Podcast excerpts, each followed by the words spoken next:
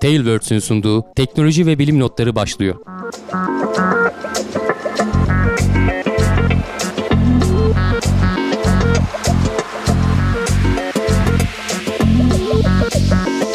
Teknoloji ve bilim notlarının 36. bölümüne hoş geldiniz. Ben Can Akbulut, yanımda Hamdi Kellecioğlu ile beraber yine dop dolu bir gündemle karşınızdayız.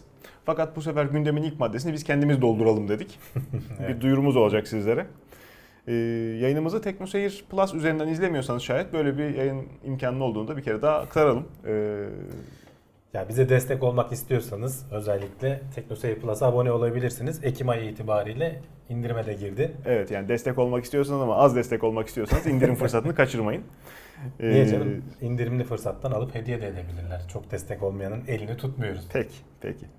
O halde e, indirim haberimizi de verdikten sonra biz gündem konularına tekrar dönelim. E, ilk haberimiz NASA'dan Ay ve Mars için yeni bir yol haritası açıklandı. Tabii şimdi böyle deyince sanki arada Hüdayi yolu gibi yeni Nereden güzergah gideceğimizi bulundu. bilmiyorduk değil mi? Meğerse gezegenler buradaymış değil. ya aslında Bundan sonra atılacak adımlar. önümüzdeki 10-20 yılın e, uzay çalışmalarıyla ilgili kendi yol haritalarını yenilediler. E, neye göre yenilediler? İşte her başkan seçildiğinde bir gaz veriyor. İşte hedefimiz aydır işte veya işte benim hedefim Mars ayı vazgeçtim falan şeklinde. Diye diye gök cismi bitti. Geçen sene miydi e, Trump işte ayı hedef göstermişti. E, dolayısıyla senatodan falan da işte NASA'ya istek gidiyor. Bize bir yol haritası hazırlayın da işte bütçeleri, ödenekleri ona göre ayarlayalım. Tabii. İşte NASA da onu yapmış. Geçen hafta onu açıkladı. E, üç parçaya ayırmışlar aslında. E, alçak dünya yörüngesi etrafında yapılacak şeyler. İşte bu uzay istasyonu vesaire o kısım, o alanların ticarileştirilmesi, e, orada işte devlet olayından çıkıp daha çok özel sektörün ortaklaşa bir şeyler yapabileceği e, projelere ağırlık verilecek gözüküyor. Bunu uzun zamandır zaten merakla bekliyordu insanlık. Zaten altyapısı da hazırlanıyor E, aslında. tabii. Devam ediyor işte. Hep bu bizim yaptığımız SpaceX haberleri, işte Hmm. Blue Origin haberleri falan. Bunun aslında e, Amerika tarafı bir de Çin tarafı falan da var. Orada da özel sektör geçenlerde haberlerini gördüm. Denemelere girişmek üzere. Hep söylüyoruz işte bu tip şeyleri e, biz genelde batı kaynaklı ajanslardan aldığımız için bunların haberlerini bu tip şeyleri hep e, bir merkezden bakıyoruz, bir tarafın perspektifinden bakıyoruz ama dünyanın dört bir yanında bu alanda yatırımlar Tabii. sürüyor. Ya, öteki tarafındakiler daha tam ticarileşme aşamasında değiller. Onlar da daha ağırlıklı Evet. devlet şeklinde ilerliyor. Amerika'nın Doğru. biraz o ticaret hacminin de büyüklüğüyle e, do- alakalı. Özel sektör daha rahat gidebiliyor. Tabii onlar da devletin desteği olmadan girmiyorlar. NASA'nın bir sürü ihalesini alıyor. Tabii. Hem SpaceX hem Boeing falan. E, ikinci aşamada Ay yüzeyi ve Ay'ın yörüngesinden bahsediliyor. Yörüngede bu Uluslararası Uzay İstasyonu 2024'ten sonra falan kullanılmayacak gibi görünüyor veya özelleştirilecek. E, onun yerine Ay'ın yörüngesinde bir istasyon. Sonraki aşamalarda da yüzeyinde. Ama bu sefer daha kalıcı. Çünkü orayı bir basamak olarak görüp oradan Mars'a gidecek veya başka görevlere gidecek yerlere bir ara istasyon falan gibi planlıyorlar. Bu noktada bunun açıklanması çok önemli çünkü yani Ay'a kurulacak istasyon bize ne e, katkı sağlayacak? Bir kere uzun vadede uzay radyasyonundan bahsediyoruz ya geçen hafta konuşmuştuk Evet, hani doğru. Mars'a yolculukta ne Tabii, kadara maruz tabii, tabii. kalacaklarından bahsetmiştik. Şimdi Uluslararası Uzay İstasyonu'nda bir miktar maruz kalıyorsun ama gene de dünyanın koruması altındasın. Diyorum ya bak alçak dünya yörüngesi içinde Uluslararası Uzay İstasyonu'nda. E sen dünyadan ayrılıp iyice o manyetik alanından falan çıkıp da e, ayın bir manyetik alanı yok, bir koruması yok. Orada işte uzun dönemli kaldığın zaman hem yüzeyinde hem de yörüngesinde şeyi anlayabileceksin uzay sana ne yapıyor daha uzun vadede? Özellikle radyasyon konusunda hani kütle çekimi vesaire falan yer çekimsiz ortam aynı şekilde ama en azından hem işte çeşitli araştırmalar yapmak için yani bir sonraki Uluslararası Uzay İstasyonu orada olacak. Belki bu NASA'nın planları ama buna belki diğer şeyler de dahil olacaktır. Devletler de destek olacak şekilde. Çünkü Uluslararası Uzay İstasyonu şu anda tek işte Amerika büyük oranda katkı yapıyor ama pek çok devlet var e, yardım yapan ve 20-25 yıl galiba e, aktif bir şekilde çalışıyor. Bildiğimiz kadarıyla Ortaklaşa çalışılabileceğini gösterdi. Ay'ın sismik aktivitesi pek yok Yok evet. bilindiği kadarıyla. Dolayısıyla da e, dünyada yeni yeni e, işte kurulup da tutarlı ölçüm alınabilen kilometreler boyunca kurulması gereken lazer gözlemiyle işte kütle çekim dalgalarının e, hesabı veya işte hadron çarpıştırıcısı gibi e, tesislerin belki yenileri Ay'a inşa edilecek. Belki ama sonuçta o Ön ayağın Oradaki- belki böyle bir getirisi olabilir. onun şeyden dolayı yüzeye pek yapmazlar. Sonuçta gene bir eğimi var. Yeterince uzak yapamıyorsun. Ha tabii canım. Uzaya yap, dümdüz upuzun şeyi kullan. O, Yani onu yapabilirlerse uzayda yapacaklar yani o senin evet, dediğin o evet. Ama e, Ligo benzerinin e, bir versiyonu İşte- daha uzununu, daha büyüğünü. dünyada belki pek yani, e, sismik aktivitenin de stabil Hı. kullanıma çok izin vermediği hem O, de tabii gürültüden atmosferin- arındıracağım tabii. diye dünyada 40 takla atıyorsun. E, Tabii. uzayda o kadar yapmana Tabii. gerek yok. Veya daha ayda. yapabilirsin. Aya belki bunların inşası söz konusu olabilir. Onun dışında yani insanlığın e, savuracağı, çöpe atacağı para gibi duruyor. Kimseye bir çıkarı olmayan. O yüzden ikna İşte bir, etmesi son, zor. bir sonraki aşama İnsanları. için basamak olacak. Hı hı. Yani asıl hedef sonuçta Mars Evet. yüzeyine ve yörüngesine gitmek.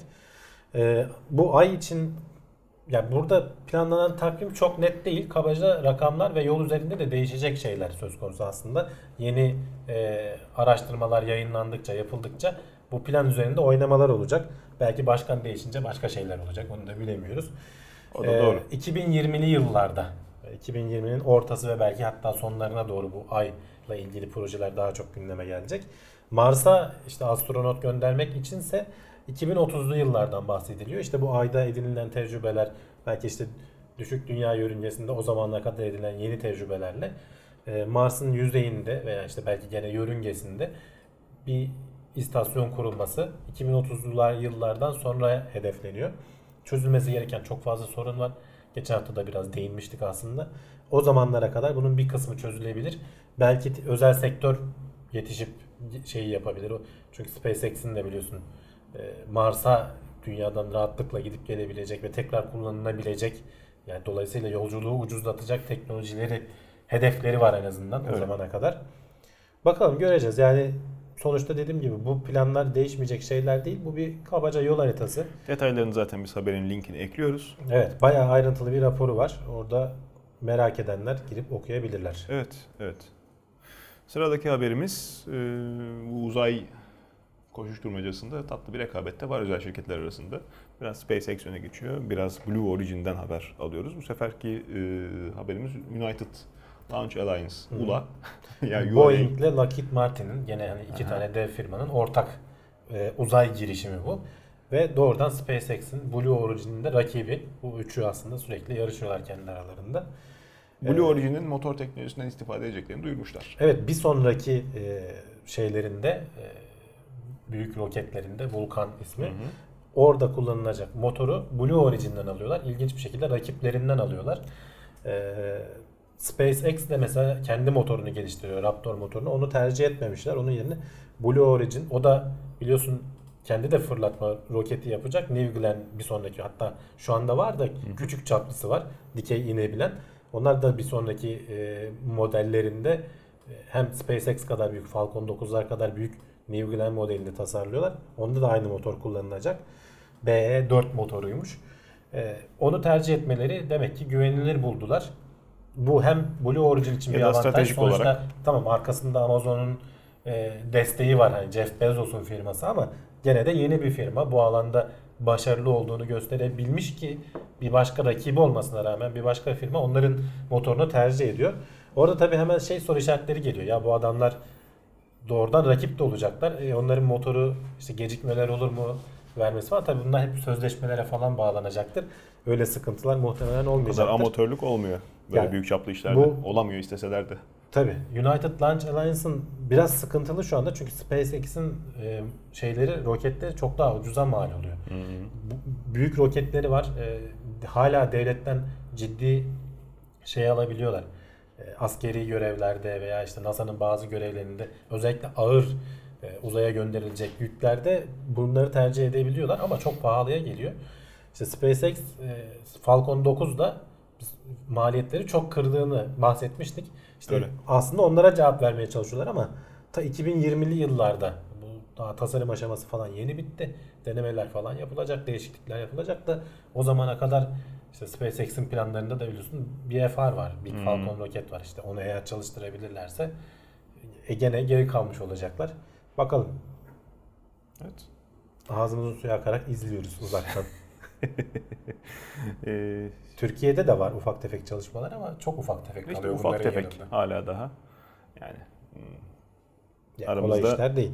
aramızda e, bir hayli kuşak farkı oluştu. Daha da açılıyor. Ama işte yapılan çalışmaları da küçümsememek lazım. En nihayetinde onlar da bu noktaya e, benzer merhaleleri aşarak geldiler. Ancak e, altı çizilmesi gereken şey işte birbirleriyle ortaklık kuruyorlar. Tabii. Fikir alışverişte bulunarak artan ivmeyle e, üzerine koyup hızlanıyorlar. Biz olduğumuz yerde daha da kapanıp kendi içimize mahkum olmaya kalkarsak o noktada ha, bazı adımlarda bu önemlidir. Temel taşları koyarken işte e, stratejik açıdan kıymetlidir ama e, bağımsızlık bazen de fikir teatisinin kıymeti başka Evet. şeyle Yani doldurulamıyor. maliyetleri falan kısmak açısından gerekiyorsa yani özel sektör zaten çok daha esnek o konuda. Sen bak Evet, hani tabii, mali, tabii. kendi maliyetlerini de kısacaksa Tabii. tercih edip geçiyor Tabii. hiç. E işte bizde devlet güdümüyle ancak yapılıyor. E, Şimdilik işte özel müteşebbis girip de Sektör- atılması gereken- sektör oluşması tabii lazım. atılması önce. gereken çok adım var öncesinde. Mesela şimdi Amerika'da da dedik ya kendileri ya biz bir roket yapalım demiyorlar. NASA'dan ihale alıyor. Öyle geliştiriyor. Hmm. Tabii tabii. E bizde de devlet yarın bir gün hani daha sık uydu gönderme falan şeyleri olsa o sektörün, Hepsinin ticaretin gelişmesi çıkışına şey indiğinde, olur. hepsinin çıkışına indiğinde Cihan Harbi'nde devlet sırrı niteliğindeki dosyalar işte teknolojinin esas e, şeyi orada atılmış. Hı hı. Ee, ilk Kickstarter orada atılmış. Ama ondan sonrasında buna yön vermeyi bilmişler. Biz belki o e, buhrandan kaçınmayı fırsata çeviremediğimiz gibi Evet. ondan da yoksun mu kaldık? Ne olduk? Onun tesiriyle E, öyle. biraz da rehavet bugünlere getirmiş oldu. Ee, Gerçekten aradaki fark açılmakla e, artan hızla açılmaya devam ediyor. Ee, Örnek alıp süratle işte beyin göçünü tersine çevirme adımlarını lafta da olsa e, artık gündeme gelmeye başladığını görüyoruz. Süratle e, bu konuya eğilmesi, üniversitelerin de adım atması, bir şeyleri e, nitelikli araştırmalarla bezemesi lazım. Hı hı. Sıradaki haberimiz bir uydu görüntüsü. Opportunity gezgini. Ee, uydudan fotoğraflanmış, görüntülenmiş. Haber alınamıyordu kendisinden. Biz de Evet. ara ara konuşuyoruz. e, Gelişmeleri aktarıyoruz. Haziran ayından Şarjı beri. bitmiş idi. Evet Mars'taki büyük bir toz fırtınası bütün gezegeni kapladı. Bayağı bildiğin kızıl bir e, kütleye dönüştü gezegenin. Öyle. Hani uzaktan baktığın zaman pürüzsüz görünüyordu. Güzel bir görüntü belki ama işte yüzeyde olanlar için iyi bir şey değil. Tabii. Özellikle de güneşten besleniyorsan. E, Bakınız buzul çağı. Evet ya çok uzun zamandır 2000'lerin başında gitti. Hala çalışan. O yüzden işte biraz duygusal e, bağ kuran Evet, e, bir şey kurulan bir araç. E, onun sesini kesmesi ve tekrar şey yapmaması herkesi üzüyor. Ama yerini tespit edebildiler. Sonuçta Mars'ın yörüngesinde dolaşan ve tozun artık yere inmesini bekleyen uydular var ve tam net olarak yerini bulmuş durumdalar. Orada hani çekilen fotoğraf da küçücük bir nokta yani onu ekrana tabii. getiririz. Orada olduğunu ama daha önceki fotoğraflarda olmayan bir şey. Kabaca da zaten iletişim kesilmeden önceki yerini de biliyoruz. Ne kadar yerini bildikten sonra tabii şimdi şeye kaldı. Hani ne kadar güneş alacak, o panellerin üzerine ne kadar toz çöktü onu göremiyorlar tabii. O kadar yaklaşamıyorlar uzaktan. Etrafındaki renk değişimlerinden bir şeyler anlamaya çalışıyorlar. Biraz kızıla çalma var. Toz belli ki çökelmiş. Ama ne Evet. kadar çökeldi? Geçmişte de benzer durumlar olduğunda o panellerin üzerine bir rüzgar esip temizlediği falan olmuştu. Denk gelir de gene öyle bir şey olursa belki opportunity merhaba diyebilir. Ee, ama bir 45 günlük falan bir süre vardı. O da galiba Ekim ayında mı başlıyordu? Bu aralar bir başlamış olması Doğru lazım. doğru. Doğru. Ee, eğer ses duyulmazsa Sene daha pasif kadar bir dinleme tabii. haline geçecek NASA. Ona da kızanlar var. 45 gün kısa falan diyenler var. E de işte sonuçta diğer çalışmaları da var. Yani duygusal bağ bir yere kadar. E, tabii. Doğru ki tamamen bu projeyle e, kendi gelişmiş, burada kazandığı tecrübeleri kıymetli olan bir eleman grubu var. Çalışan grubu var. Onların da hakkını teslim etmek lazım ama E zaten hatta şu taraftan da anda yüzeyde lazım. çalışmaya devam eden bir gezginleri daha var. Curiosity Evet, hala evet. çalışıyor.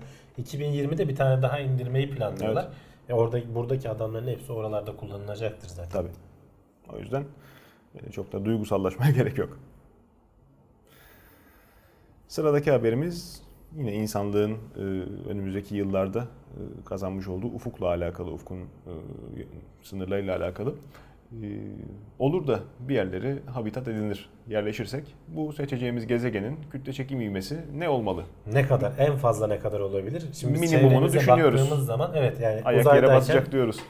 Şimdi uzaydayken sıfır. Ee, bunun yan etkilerinden bahsediyoruz. Hı hı. İşte kan e, bacaklardan daha çok işte kafaya toplanıyor falan. Kalp küçülüyor, kaslar zayıflıyor falan. Dünyadaki ortama göre bunlar negatif etkiler. E, ama bir de mesela Ma- veya Mars'a Ay'a gittiğin zaman da dünyaya göre kütle çekimi daha düşük. E, ama bir de tersi olan gezegenler oluyor. Jüpiter Bizim- mesela. Jü- Jüpiter'e gitme şansımız yok zaten. Hani İşte. o gaz devi de e, büyük e, üzerine inebileceğin kaya olan e, gezegenler de var. Mesela dünyanın iki katı büyüklüğünde olup da inebileceğin yerler var. Bizim sistemimizde değil de uzaklarda olsa da ve bir gün insanlık oraya gitse nelerle karşılaşırız? İşte kütle çekimi en fazla ne kadara şu anki vücudumuz dayanabilir? Yani fazlası azı da zarar da fazlası da zarar bunun. Çünkü bu sefer de kan işte bacaklara toplanmaya başlıyor. Şey gibi hani pilotların bayılması gibi. Tabii canım. Çünkü beynine kan gitmiyor. Kal- Kalp pompalayamıyor. Şimdi orada şey hesabını yapmışlar. Kemiklerimiz ne kadar dayanıra bakmışlar önce. Bir kere şu bacağımızdaki kemikler çok sağlam. Hani hareket etmediğin zaman dik basınçta 100 katı dünyadaki ivmenin 100 katına kadar yük Şimdi taşıyabiliyor. bu noktada 100G benim yani. sormak istediğim asıl soru şu. Yani anlatmaya başlamadan evvel bu araştırma orada doğacak potansiyel çocuk için mi yapılıyor? Yani Yok, orada gidenler için, yüzeye inip alışkın hareket giden. edebilmesi için onu araştırmışlar. Yüzeye indin ne yaparsan hani rahat hareket edip bir miktar orada şey yapabilirsin. Uzun süreli kalmayı da araştırmamışlar zaten. Evet. Yani şimdi zaten söyleyeceğim en sonunda. Ee, kemiklere bakmışlar önce. Bacaklardaki kemikler işte dediğim gibi dünyadaki e, çek- çekim ivmesinin 100 katına kadar dayanabiliyor. Ama sen hareket edeceğim demediğin anda, yürümeye başladığın anda o hareketli, dinamik şeylerle bu 10 katına falan iniyor. Yani direkt dayanç, kemiğin dayancı direkt 10 katına falan iniyor. E bir de kaslar var. Kaslar ne kadar dayanabiliyor? Arada kıkırdak dokuyu da geçtin. Sağlayacak kadar. E, o kasların dayanabildiği 5G. 5G'nin ötesinde kaslar artık hani kopuyor herhalde. Sen bunları falan koparıyorsun. E, hareket edebileceğin veya yeterince işte güç sağlayamıyorsun. Belki ayağını kaldıramıyorsun. Kaldıramazsın Yerden. kopmaz da. Ee, bir de tabii şey var. Ee, bu şeye de bakmışlar. Yürüme hareketinde bizim dengeli yürüyebilmemiz için aslında bir ayağımızı yerden kesiyoruz. Salınarak Tabii. yürüyoruz. Onu simüle etmişler. Normal bir şekilde yürüyebilmemiz için işte 4.6 G falan olması gerekiyormuş ki biz o e, yürüme hareketini düzgün bir şekilde yapabilelim. En sonunda da işte vardıkları nokta hani şey olursa biz işte 3-4 arası G e, kuvveti en fazla. Bunun işte ne kadar altı, 1'e ne kadar yaklaşırsa o kadar iyi. Dünyadakine benzer oluyorsun. Ama onun üstüne hadi 2 falan da idare eder. Uzun vadeli demiyorum bak. Uzun vadede kim bilir ne sorunlar çıkacak. Tabii. Bacak kaslarının e, şey o siyatik falan dediğimiz şeyi orada maksimumunu yaşayacaksın muhtemelen. Orada doğan çocuğun neler yaşayacağını düşün. Çocuk ayrı konu. Büyüme. Hani oraya Evresi. Tabii. o tamamen çünkü orada doğacak. Herhalde böyle şey gibi futbolcu gibi bacak kasları olur yani eğer 2-3G'de şey olursa. Ya da boyu bir metreden kısa olur. Boyu mesela. da kısa olabilir tabi. Yani uzaydaki o şeylerin aslında yer çekimsiz ortamın tam tersi etkilerini yaşayabiliyorsun. Tabii. Ya her seferinde söylüyoruz. O kadar dünyaya uyum sağlamışız ki şu anki e, koşullara uyum sağlamışız ki biraz böyle Neden başka acaba? gezegenlere gitmek başka gezegenlere gitmek, oralarda yaşamak falan hani ciddi hayal şu an için. Evet Yani evet. İleride başka tür teknolojiler falan olur. İşte Ee, bunu çok açıktan söylemek kimsenin işine gelmiyor. Hep işte yuvarlak e, işte anlatımlar, etrafından dolaşmak, farklı sunumlarla bezeniyor. Çünkü bu gerçek, acı bir gerçek. acı bir E, gerçek. uzay yatırımlarının önünü ciddi Ama manada. çözülmeyecek şeyler de değil. Sonuçta teknolojiyle biz şu ana kadar neleri çözdük? E, öyle. E, Ona da bakacaksın. Evet. Nereden nereye gelmiş insanlık? Yani şu kadarcık işte önündeki şeyin gerçeğini düşün. 100 cc'lik alanın içinde patlamayı kontrol edip onun gücünü e, dönmeye aktarabiliyorsun. Yani Hmm. bu acayip bir şey aslında. E, bir sonraki aşamada da e, belki vücudunun sana sağladığı dezavantajlardan kurtulacak noktaya gelebilirsin. Belki Olmaması için bir sebep yok. Zaten bilim kurgu falan Bakarsın, buralardan besleniyor. vücudumuzdan kurtulur öyle gideriz. Heh, belki Bilinci makineye aktarmak suretiyle. Tabii. Bilim kurguysa al sana bilim kurgu. Neden olmaz? Sıradaki haberimiz Nobel ödülü. Nobel Tıp Ödülü bu sefer e, ilk söyleyeceğimiz haber. Kanser tedavisinde immünoterapi çalışması ödülü kazanmış. Nobel ödülleri dağıtılmaya başlandı. Ee, tıp ödülüyle fizik ödülünü şu ana kadar Hmm. açıkladılar. Dün tıp ödülü açıklandı. E, kanser tedavisinde işte kendi bağışıklık sistemimizin önünü açan İmmün zaten. terapiler. Bağışıklık, immünoterapide. İmmünoterapi kendi bağışıklık Anlaması sistemimizi aslında bir terapiye tutarak kansere karşı savaşmasını sağlayan iki çalışmaya ayrı ayrı çalışmalar. Ee, James Ellison'la Tasaku Tasuku Honjo ee, Japon bilim adamı ödüle layık görülmüşler. İkisi farklı araştırmalar yapıyorlar ama aynı çığır açıcılıkta olduğu için ikisine de verdiler. Dediğim gibi e, kanser hücreleri senin bağışıklık sisteminden saklanmayı bir şekilde başarıyor. Hep şimdiye kadar e, şeye uğraşmış bilim adamları. Ya bağışıklık sistemini nasıl buna saldırtabiliriz? Onun önünü açmaya çalışmışlar ama Doğru. bunlar farklı bir açıdan yaklaşıyorlar ve bunun çalıştığını ikna etmeleri de hakikaten 17 yıl falan sürmüş. Ya bak çalışıyor böyle bir şey. Kendi arkadaşlarını falan ikna etmesi, araştırma sonuçlarını yayınlamışlar falan. Hani çok uzun zamanlar almış.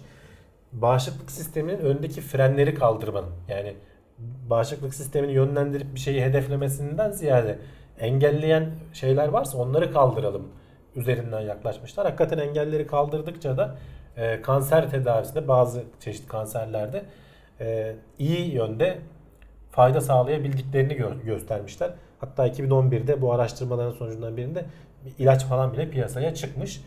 E, başka şimdi tabii bu yoldan ilerleyen başka bilim insanları daha pek çok farklı e, maddelerle kansere karşı nasıl savaşabiliriz'i araştırıyorlar. Evet. Dolayısıyla bunları onore etmek için iki bilim insanına tıp alanında 2018'de Nobel ödülü verildi. Fizik alanındaki ödülün ise hikayesi daha farklı. Bir ellerinde cımbız, bir ellerinde ayna. Optik cımbız. Optik Bu seneki cımbız. ödülü yani almış. aslında lazerler üzerine bir araş- araştırma ama cımbız deyince düşün lazer kullanarak molekülleri ve hatta hücreleri hareket Şöyle ettirmek, tutmak, küçük çekmek, dürtmek, tabii. yönünü değiştirmek, önüne arkasına bakabilme üzerine e, çalışmalarıyla 3 kişi alıyor. E, Arthur Ashkin, Gerard Moreau ve Donna Strickland. Bu arada e, üçüncü Nobel ödülü alan kadın. Hmm. Uzun bir aradan sonra en son 1963'te mi ne e, bir kadın Nobel ödülü almış. E, Nobel ödülü alan üçüncü kadın yani. Evet. Aynı Marie Curie var. almıyor, evet. Birinci alan. Herkes onu biliyor. Hatta iki tane Nobel'i var galiba onun. Maria Goeppert Mayer var 1963 yılında. Ondan sonra uzun bir ara var işte 55 senelik bir aradan sonra. Donna Strickland diğer iki kişiyle beraber e, lazer kullanarak işte cisimleri hareket ettirebilen optik cımbız diyorlar işte bunun E tabi. basit e, tabiri. Halkın anlayacağı Zaten tabiri. halkın değil insanlığın anlayacağı tabir. Evet. Olması gereken bu. Yeni kelime üretmeye gerek yok.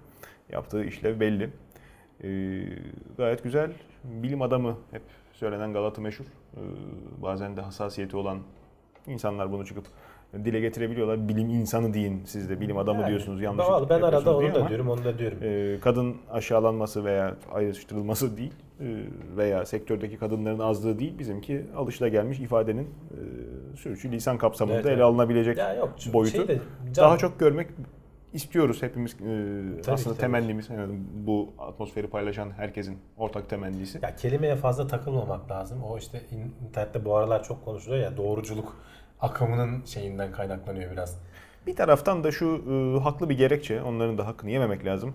Bizim lisan kullandığımız kelimeler e, olaylara bakışımızı, hayata bakışımızı da Tabii, etkiliyor. Dolayısıyla beynin düşünme e, ufkuna biz kendi kafamızdan sınır çiziyoruz farkında olmadan bile. O yüzden Ama alışma ama meselesi. O da boş Mesela değil. bilim E, insanı tabii. lafını ben ilk duyduğumda yani ne kadar garip duruyor dedim. Ama bir süre kullandıkça alışıyorsun sonuçta. e, öyle. Öyle. Yıllarca alışıyorsun. Ne kadar çok da. kullanıyoruz ki zaten. Değil mi? Biz çok kullanıyoruz ya öyle deme. biz, biz yine çok kullanıyoruz. Doğru söylüyorsun.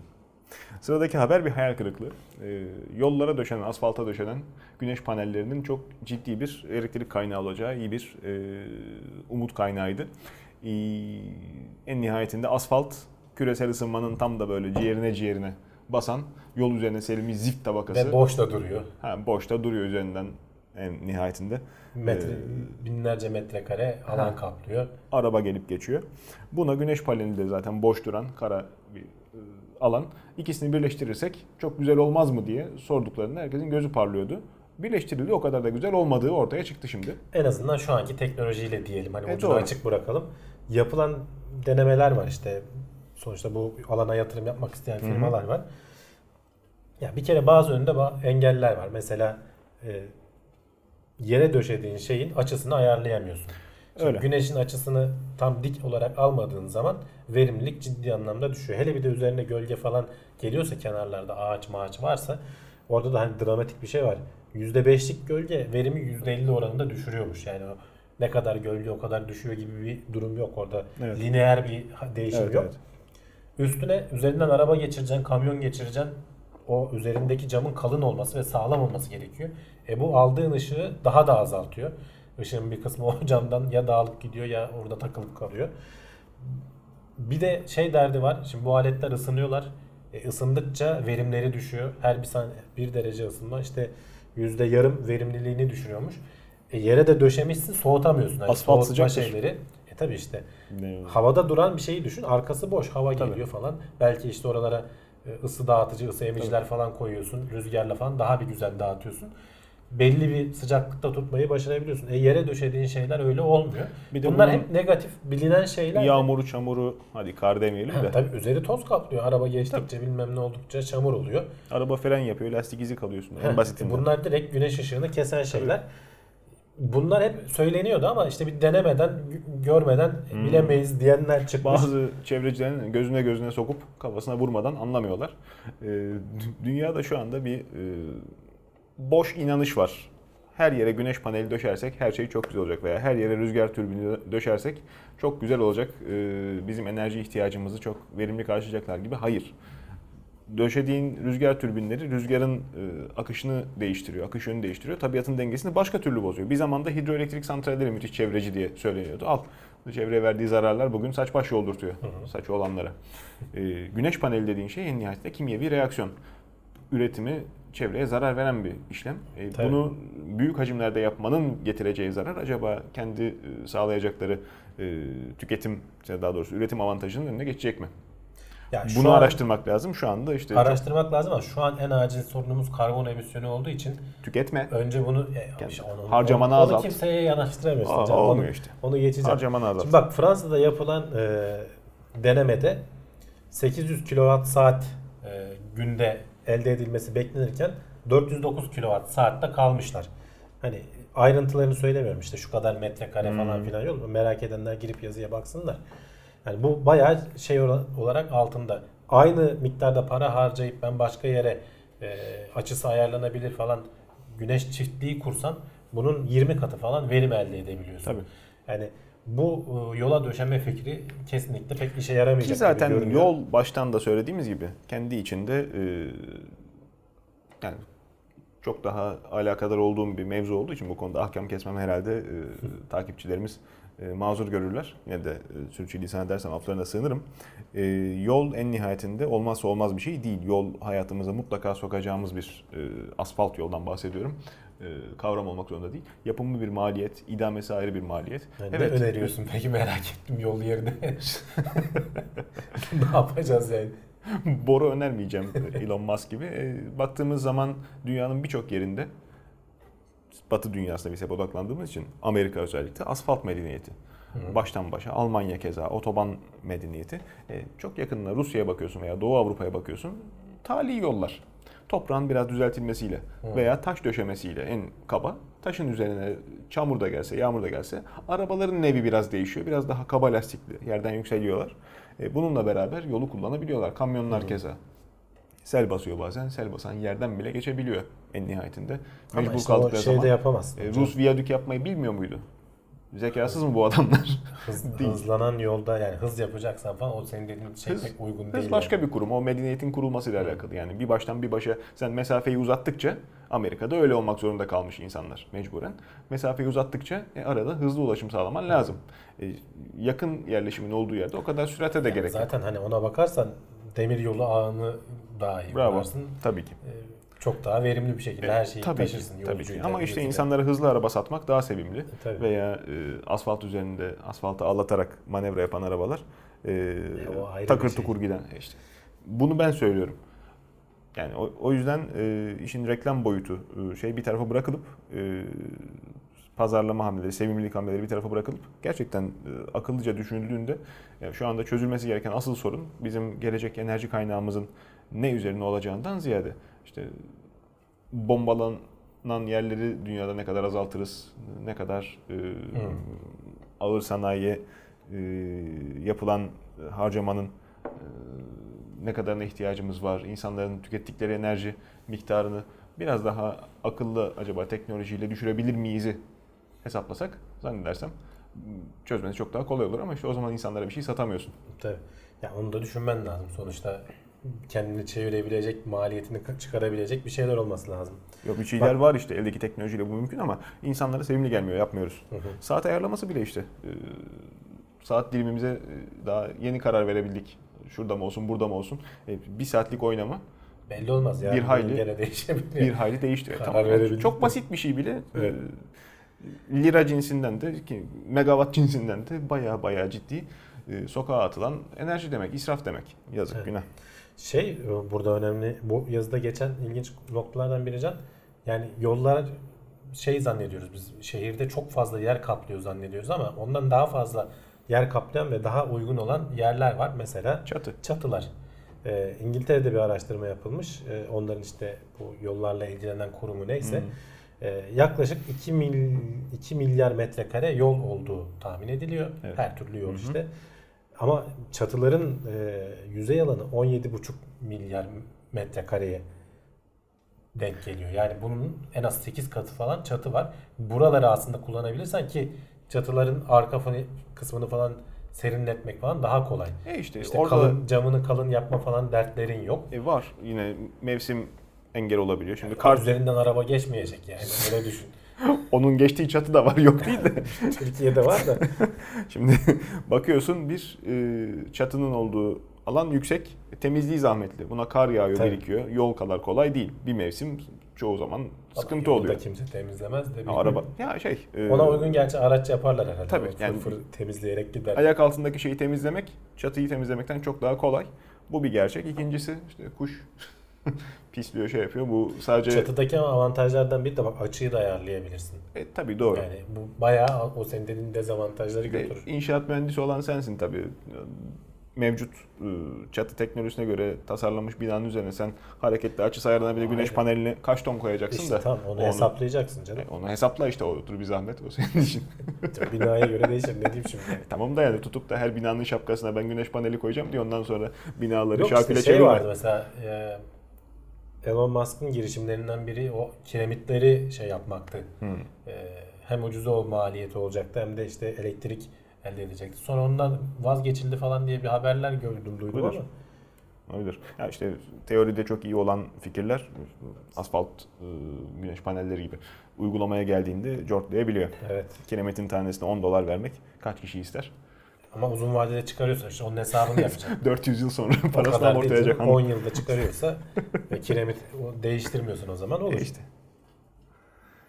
Velhasıl e, şu anda böyle e, sıkıntılı bir geçiş dönemindeyiz. Çok güzel e, teknolojik aletler, oyuncaklar var ama bir taraftan da acaba e, safsata mı diye sorgulatan farklı tekniklerle yüzleşiyoruz. 160 yıldır çözülemeyen matematik problemi çözüldü mü acaba? Çözülmüş olabilir. Bir sansasyon oldu geçen Ee, hafta. ben çözdüm çalkalandı. diyen kişi Sir Michael Atiyah e, matematikçiler arasında ünlü birisi. E, Fields madalyası var. Abel Hmm. Prize şey ödülünü almış zamanında. E, yani hani ben çözdüm diyorsa bir dönüp bakmak gerekiyor ki bir e, konferansta da çözümünü açıklamış. Tabi ama diğer matematikçilerin bunu bakıp şey yapmaları lazım. Onaylamaları. Ona da en azından 1-2 yıl alır diyorlar. Neyi çözmüş? E, Riemann hipotezi diye bir şey var. Belki sen de kulağına çalınmıştır. Ya bayağı aslında şey bir şey, soyut matematik bir şey. Yani hı. bizim gündelik hayatımızda anladığımız bir şey değil. E, asal sayıların e, rastgele bir dağılım gösterdiği e, bilinir geçmişten Hı hı. beri. E, Sıradaki ama asal sayıyı hesaplayamazsın öyle. tam olarak ne zaman geleceğini, ne kadar aralıklarla geleceğini, yani asal sayılar arasındaki boşluğun ne kadar olabileceğini bilemiyorsun. Yani Evet. rastgele aralıklara göre. Bunun kaotik olduğunu falan da Hı hı. söylerler. Ama aslında öyle olmadığını e, bu e, 160 mil, 160 yıl önce e, Riemann bir hipotez ortaya koyuyor. İşte Riemann zeta fonksiyonu mu ne var? E, o fonksiyona göre bunların dağıldığını iddia ediyor. Ve yapılan bilgisayar simülasyonlarında da 10 katrilyona kadar falan çıkılmış. O sayılara kadar hep bu şey tutuyor. E, fonksiyon doğru sonuçlar veriyor ama matematiksel olarak ispatlamadığın sürece hep Tabii. sayılar sonsuz olduğu için biliyorsun e, evet budur diyemezsin. Matematikte olmaz tabii. o ispat çok şeydir. Diğer bilimlerden ayrılır. Yani soyut kısmı orada. Hakikaten bir şey %100 ispatlayabilirsin. İşte e, bu hipotezi birinin ispatladığı. E, Çünkü ihmal edilen bir şey yok. Ölçüm hatası yok. Tabii tabii yani sonuçta şey bir şey, soyut bir şey. Sen ortaya çıkarıyorsun. Sen e, kurallarını koyup sonra sen onunla bir şeyler çözüyorsun. Pi'yi 3 almadıkça. Oturup da Kuralları ona göre koyarsan P'yi 3 alıp sonuca da ulaşırsın. Ben bunu ispatladım. ya. Ha gerçek hayatta işine yarar mı yaramaz mı? O ayrı konu. döner durursun ondan Yani matematik biraz öyledir. Senin hatta o yüzden tartışılır ya matematik bir keşif midir yoksa bir şey midir? icat mıdır? E, bulunan bir şey midir? Üretilen bir şey midir? evet. tartışması vardır. Buradan çıkar aslında. E, çünkü aslında biraz bizim uydurduğumuz bir şey. E, tabii Kurallarını canım. falan biz ama doğadaki Ama şeylere işte göre ona destek- işimize yarayacak Ona şekilde. dayanıp destek alarak da başka adım atabiliyorsun. Tabii tabii. Yani. Afaki değil. İşte nerede işe yarayacak mesela bu kompleks sayılar vardır mesela. Hmm. Onu birileri bulmuş. Mesela eksi birin kare kökünden yola çıkmış mesela adam. Ne olur diye. Ona bir şey uydurmuşlar iyi diye. E o nerede sonra işe yarıyor? Elektrik alanında ya biz bunu kullanabiliriz diye biri alıyor. Başka bir mühendis. Matematikçilerin tamamen soyut bir şeyden ortaya çıkardığını alıp işe yaratabilir hale getiriyor. Burada bilmiyorum hani asal sayılarla ilgili bir şeyler değişir mi? Bizim- Bizim hayatımıza gerçekten bir yansımaları olur mu bunun veya ne bu çözümün doğruluğu ne zaman hani şey çıkacak o daha belli değil. Ama ben çözdüm diyen adam ciddi bir adam yani öyle herhangi biri değil. Ufuk açar. Yani başka bir teoremde işe yarayacak yeri bulunur. Birleştiği zaman ummadığın yerde Evet. karşına kolaylaştırma hayatı, günlük hayatı iyileştiren Böyle bir bazı şey sorular var işte 7-8 tane hipotez, teorem falan var. ispatlanmamış. Bunların başına ödül de koyulmuş Evet, olanlar evet. var. Bu onlardan biri. 1 milyon dolar ödül var. Gerçi abimizin ihtiyacı yok muhtemelen ona da. Olsun. ihtiyacı olan birilerine dağıtır belki. Evet, e, sıradaki haberimiz biyoloji dünyasından Japonya'da erkek bireyleri olmadan üreyebilen termit kolonisi, beyaz karınca kolonisi keşfedilmiş. E, burada yalnız şimdi e, izleyen erkek izleyicilerin moralini bozmayalım. E, termitler partenogenezle ürüyor. Farklı bir üreme prosedürleri Hepsi var. değil. Erkekle öreyeni de varmış işte. Hı, Ama partenogenezin başında da erkek bireye ihtiyaç var. Şimdi Ondan bunda sonrasında ama hiç yok. Sorun orada Tabii, zaten. tabii. Yani e, Şimdi işlem biraz karışık. termit e, bizde işte ak karınca, beyaz karınca falan diye geçiyor ama aslında Bir karıncayla, Böcük diye geçiyor. İlaçlıyorsun gidiyor daha çok. karıncayla Pek hiç alakası olmayan bir hayvan. Farklı bir türü yani. Garip kule gibi benzediği için yuvalar yapıyorlar. zannediyoruz onu. Evet. Ee, Türkiye'de çok fazla türü de yok zaten. Hani Daha çok böyle tropikal bölgelerde falan var. Bakalım Evet. artık iklim şeyimiz değişiyor. Uçağımız belki bize de gelir diyorsun. Antalya'da doğru. falan belki gözlemlemeye Şimdi başlarlar. Japonya'da işte bilim adamları ben o şeyine hayranım Can. Uğraşmış adamlar bir sürü koloniyi incelemişler. Oradaki bireylerin tek tek erkek mi dişi mi olup olmadığına bakmışlar ki hani binlerce var içinde şey. Bazı kolonilerde hakikaten hiç e, erkek birey olmadığını ama koloninin yaşamını rahat rahat sürdürebildiğini keşfediyorlar. E, ve bu yönde evrimleştiğini görüyorlar. Zaten e, bu kolonilerin coğrafi dağılımı da diğerlerinden biraz ayrı. E, ne, ne nasıl böyle olmuş olabilir diye düşünüyorlar. Erkek olmadan üremek yeni yerlere yayılmak için evrimsel anlamda bir avantaj sağlayabilir. Bu yüzden belki bu yöne kaymış olabilir diyorlar bu koloniler. Uzun vadede şeyleri falan da bakmışlar. Genetik olarak diğer erkekle e, şeyle bireyle üreyen termit kolonilerle ne kadar uzaklığı var? 14 milyon yıl önce falan genetik olarak ne kadar ne zaman önce ayrıldığını e, şeylerden anlayabiliyorsun, çalışıyorsun. hesaplayabiliyorsun kabaca. 14 milyon yıl önce falan ayrışmaya başladıklarını işte aslında evrimi hareket halindeyken görüyor oluyorsun. Bir yerden sonra buna farklı bir tür bile diyeceğiz. Şu anda o noktaya gelmediklerini düşünüyorlar. Ee, işte senin dediğin o partenogenez e, üreme yöntemlerinden bir tanesi. Burada ama işte o kraliçe şey var. Mesela kraliçe e, arı vardır, karınca vardır. Bunlar erkeklerle çiftleşirler. Erkeklerin tek görevi odur. Onun dışında kolonide hep e, Hazır dişiler yerler. çalışır, Tabii. dişiler şey yaparlar. Erkekler sonra ya öldürülür Bunlar bazen, ya da bazen kahvede okey oynar. dışarı atılır yani git kahvede oyna şeklinde. Bunlar termitlerde bir de kral da varmış. Hmm. O hep sürekli yanında da oluyormuş bazılarında. Karıncalardan falan farklı olarak. Ama işte bazılarında hiç kralın falan olmadığı koloniler keşfedilmiş. belki araya e, sokmuştur kurgucu arkadaşımız. E, kraliçe adıyla anılan e, varlık diğer şeylere benzemiyor. Koloninin diğer bireylerine benzemiyor. O bayağı iri yarı, sürekli yumurtlayan Zaten bir iş tek işi de şey. o. Evet, Tabii. yu- yumurtlamak ve sürekli şey bir üretmek. başka türlü hayvan. Yani ilginç. O sonuçta hiç e, şey olmadan Bir tarafta üreyebilmesi- kafamda da şöyle bir soru oluşmuyor değil Hamdi abi. Yani bu buluş ne bileyim Moğolistan'da olsaydı veya Moğolistan'da demeyelim Avrupa'nın herhangi bir vilayetinde olsaydı o kadar e, garip gelmezdi ama şimdi Japonya nükleer saldırıya maruz kalmış bir coğrafya. Hı. Acaba Onun radyasyonda, etkisi olabilir mi? radyasyonda tesiri var mıdır? Ama- Yani bu herhalde çok aptalca bir fikir değil nihayetinde. Ya hayır belki bir etkisi vardır ama bak ne dedim 14 milyon yıl önce başlamış. Canım izleri Yani de manipüle etmez mi? 70 yılda olan bir şey değil zannetmiyorum. Bir de eldeki- Japonya'nın hangi bölgesi? Yani her yer o kadar etkilenmedi şeyden. Yani yakın zamanda Fukushima'sı da sızdırdı biliyorsun. Japonya genel Yok olarak ya, o, o, o kadar ben etkisi olacağını Dünyanın geri kalanından yüksek radyasyona maruz kalan coğrafya. Ee, şey, kural kitabına bakarak bunları söylüyorlar. Metodoloji e, güncellenmediği için. Yani sonuçta tutarlı vermiş olabilir. En nihayetinde tabii bunların hepsi önümüzdeki günlerde tekrar açığa çıkacak. Yok bir daha konuşuruz zaten ama. şeyi belli olur yani o senin radyasyondan kaynaklanan bir değişim varsa onun şeyleri izleri farklı olacaktır. İşte diyorum ya. Yavaş çıkar. yavaş olan farklı diğer metamorfoz şeylerine yöntemlerine göre farklı olacaktır. Yani. Ben de diyorum ki o izi acaba değiştirmiş olabilir mi? Yani, o kadar şey olarak. şeye girme. Çünkü geç, geçmişte de çok şey var çünkü böyle sapan araştırma var. Göreceğiz, görürüz. Ee, dediğin gibi çok ilginç bir gözlem. Öyle de olsa böyle de olsa hakikaten hatırı sayılır bir yemek. Sen tut kaç tane Ya karıncayı işte kaldır, benim çok nesi var, nesi yok. Yani incele. binlercesini farklı farklı kolonileri incele, Evet. erkeğini dişini ayırt et. Yani Daha optik cımbız bile icat şimdi- edilmedi, yeni yapıldı. mesela şimdi kabaca sayısına baksan e, bir örnekleme alırsın, sayarsın işte onları. Sonra dersin ki bu koloni bu kadar. Yani hiç erkek var mı yok mu ayırt etmek hani bayağı işte e- emek harcamışlardır Tabii, tabii. diye düşünüyorum. Bilmiyorum belki kolay bir yolu vardır ama Doğru. Doğru. böyle ince ince ilmek ilmek ilerlemen gerekiyor yani. Biyolojiden tıp dünyasına döndük. Ee, Son yapılan bir araştırma, son günlerde yapılan bir araştırmaya göre apandisitin sadece antibiyotik kullanılarak tedavisi mümkünmüş.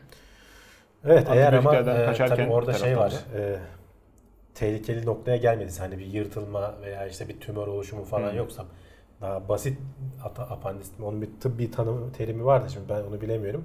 Hani daha böyle riskli seviyeye gelmemişsin. Bir yırtılma falan olmamış. Bir kana karışma durumu falan yok. Hı hı. Hani şişmiş, ağrı çekiyorsun ve doktora gidiyorsun. Ee, burada hemen doktorların genel eğilimi şimdiye kadar ameliyat etmek.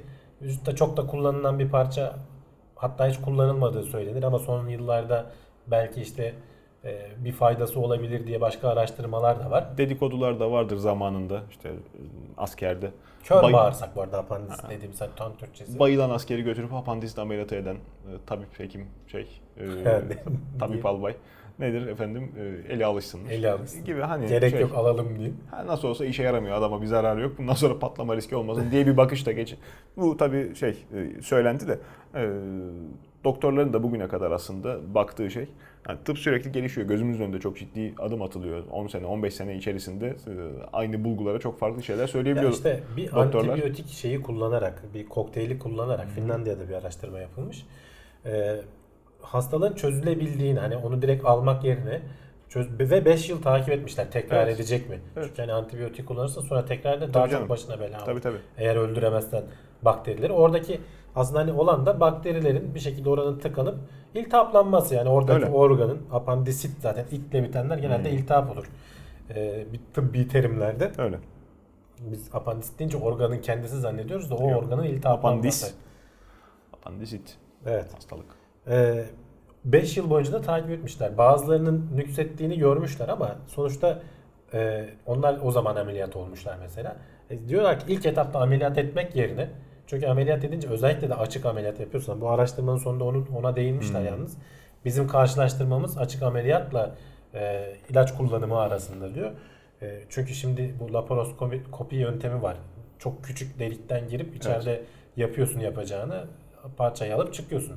Aldığın parçada zaten küçük şu kadar falan bir şey. O herhalde. delikten daha büyük değil tabii. yani ona göre açıyorsun zaten deliği de. Ama tabii sonuçta gene mesela karın kaslarını falan delik açman gerektiği için şey kolay olmuyor. İyileşmen zaman tabii alıyor. canım yani tabii doğru. buradaki özellikle Sancılı hele açıksa yani kesip Hmm. alıyorsan. e, bir de şeker alınan- hastalarında ıı, yarası Tabii öyle. zor kapanan insanlarda da ameliyat riski var falan tabii. varsa ayrı konu. Bunlar normal hastalar üzerinde bakmışlar.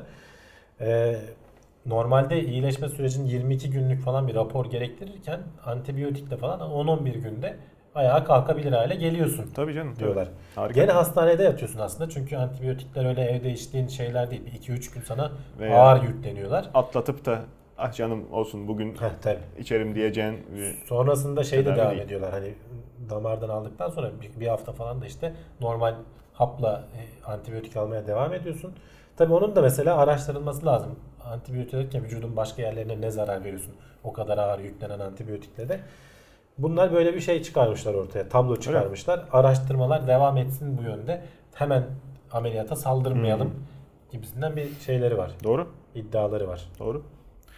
Evet, e, tıp gelişiyor. Farklı kavramlar, farklı e, yeni öğretilerle e, her gün biraz daha güncelleniyor doktorların dağarcığı. Şimdiki haberimiz psikiyatri mi diyelim, insan psikolojisiyle alakalı Evet. haber. TSSB hepimizin bildiği Sovyet Sosyalist Cumhuriyetler Birliği. Biliyor musun TSSB deyince anladın mı? Tabii ki hayır ama travma sonrası stres bozukluğu PTSD desem anlardın ama değil mi? Hemen. işte herhalde. İşte beynine bu kadar şey yerleşince yabancı dizi izlemekten Ama işte travma sonrası stres bozukluğu Her şeyin de hani çevirmesi olmuyor. uzun uzun yazmayayım dedim o. O yüzden kısaltması var. Peki. Velhasıl e, bunun farklı bir boyutu, farklı bir e, yan ürünü mü diyelim? Gözlemlenmiş. Yok farklı bir şey de var. Yani, Yani. şimdi bir travma yaşadığın zaman mesela büyük bir bu haberin konusu Katrina kasırgası 2005 yılında yaşanan. Doğru. Bunu sen depremde de düşünebilirsin. Tabii, sel tabii. felaketi de veya e, şey Ferit araba kazası. Araba kazası Evlerden uzak olsun. İlla büyük Tabii. çaplı olması gerekmiyor. Ee, yaşanan bir travma sonrasında tabii ki psikolojisi bozuluyor. Hmm. Her yani herkes de farklı seviyelerde yaşanıyor ama kimisi bayağı dağıtabiliyor kendini. Tabii. Ee, toparlayamıyor. Onun tekrar belki yaşanacağı korkusu oluyor. Veya büyük kasırga falan yaşandıysa zaten yaşadığın yer darmadağın oluyor. Belki bütün evin falan her şeyin gidiyor. Mahallen şeyin Mahalle gidiyor yani sonrasında. bütün şehir yok oldu. Sevdiklerini falan kaybetmen ayrı bir konu. Ee, 2005 yılında bu Katrina kasırgasının olduğu yörede bir bilimsel araştırma yaparlarken işte kişilerin sosyoekonomik durumu nasıl yaşadıkları falan kasırgadan sonra şeyi fark ediyorlar. Ya çok böyle denk güzel bir an yakaladık bilimsel araştırma açısından. Öncesi veri var elimizde. Hmm. Bir de gidip sonrasını konuşalım. Gidiyorlar sonrasında da konuşuyorlar. Nedir? Siz ne yaptınız? Nasıl yaşadınız falan. Evet bir şey var. Stres bozukluğu yaşamış herkes travma sonrasında. Ama %60'ı e, tekrar normal psikolojik durumuna geri dönmüş bir süre sonrasında. Geri kalanları belki biraz daha uzun zaman alacak. Ama bir de işin şeyi var. Travma sonrası gelişme diyebileceğimiz Türkçe'de bir e, durumla karşılaşmışlar. İnsanların hani seni öldürmeyen şey seni güçlendirir diye bir laf vardır ya. Bu da onun gibi bir durum olmuş.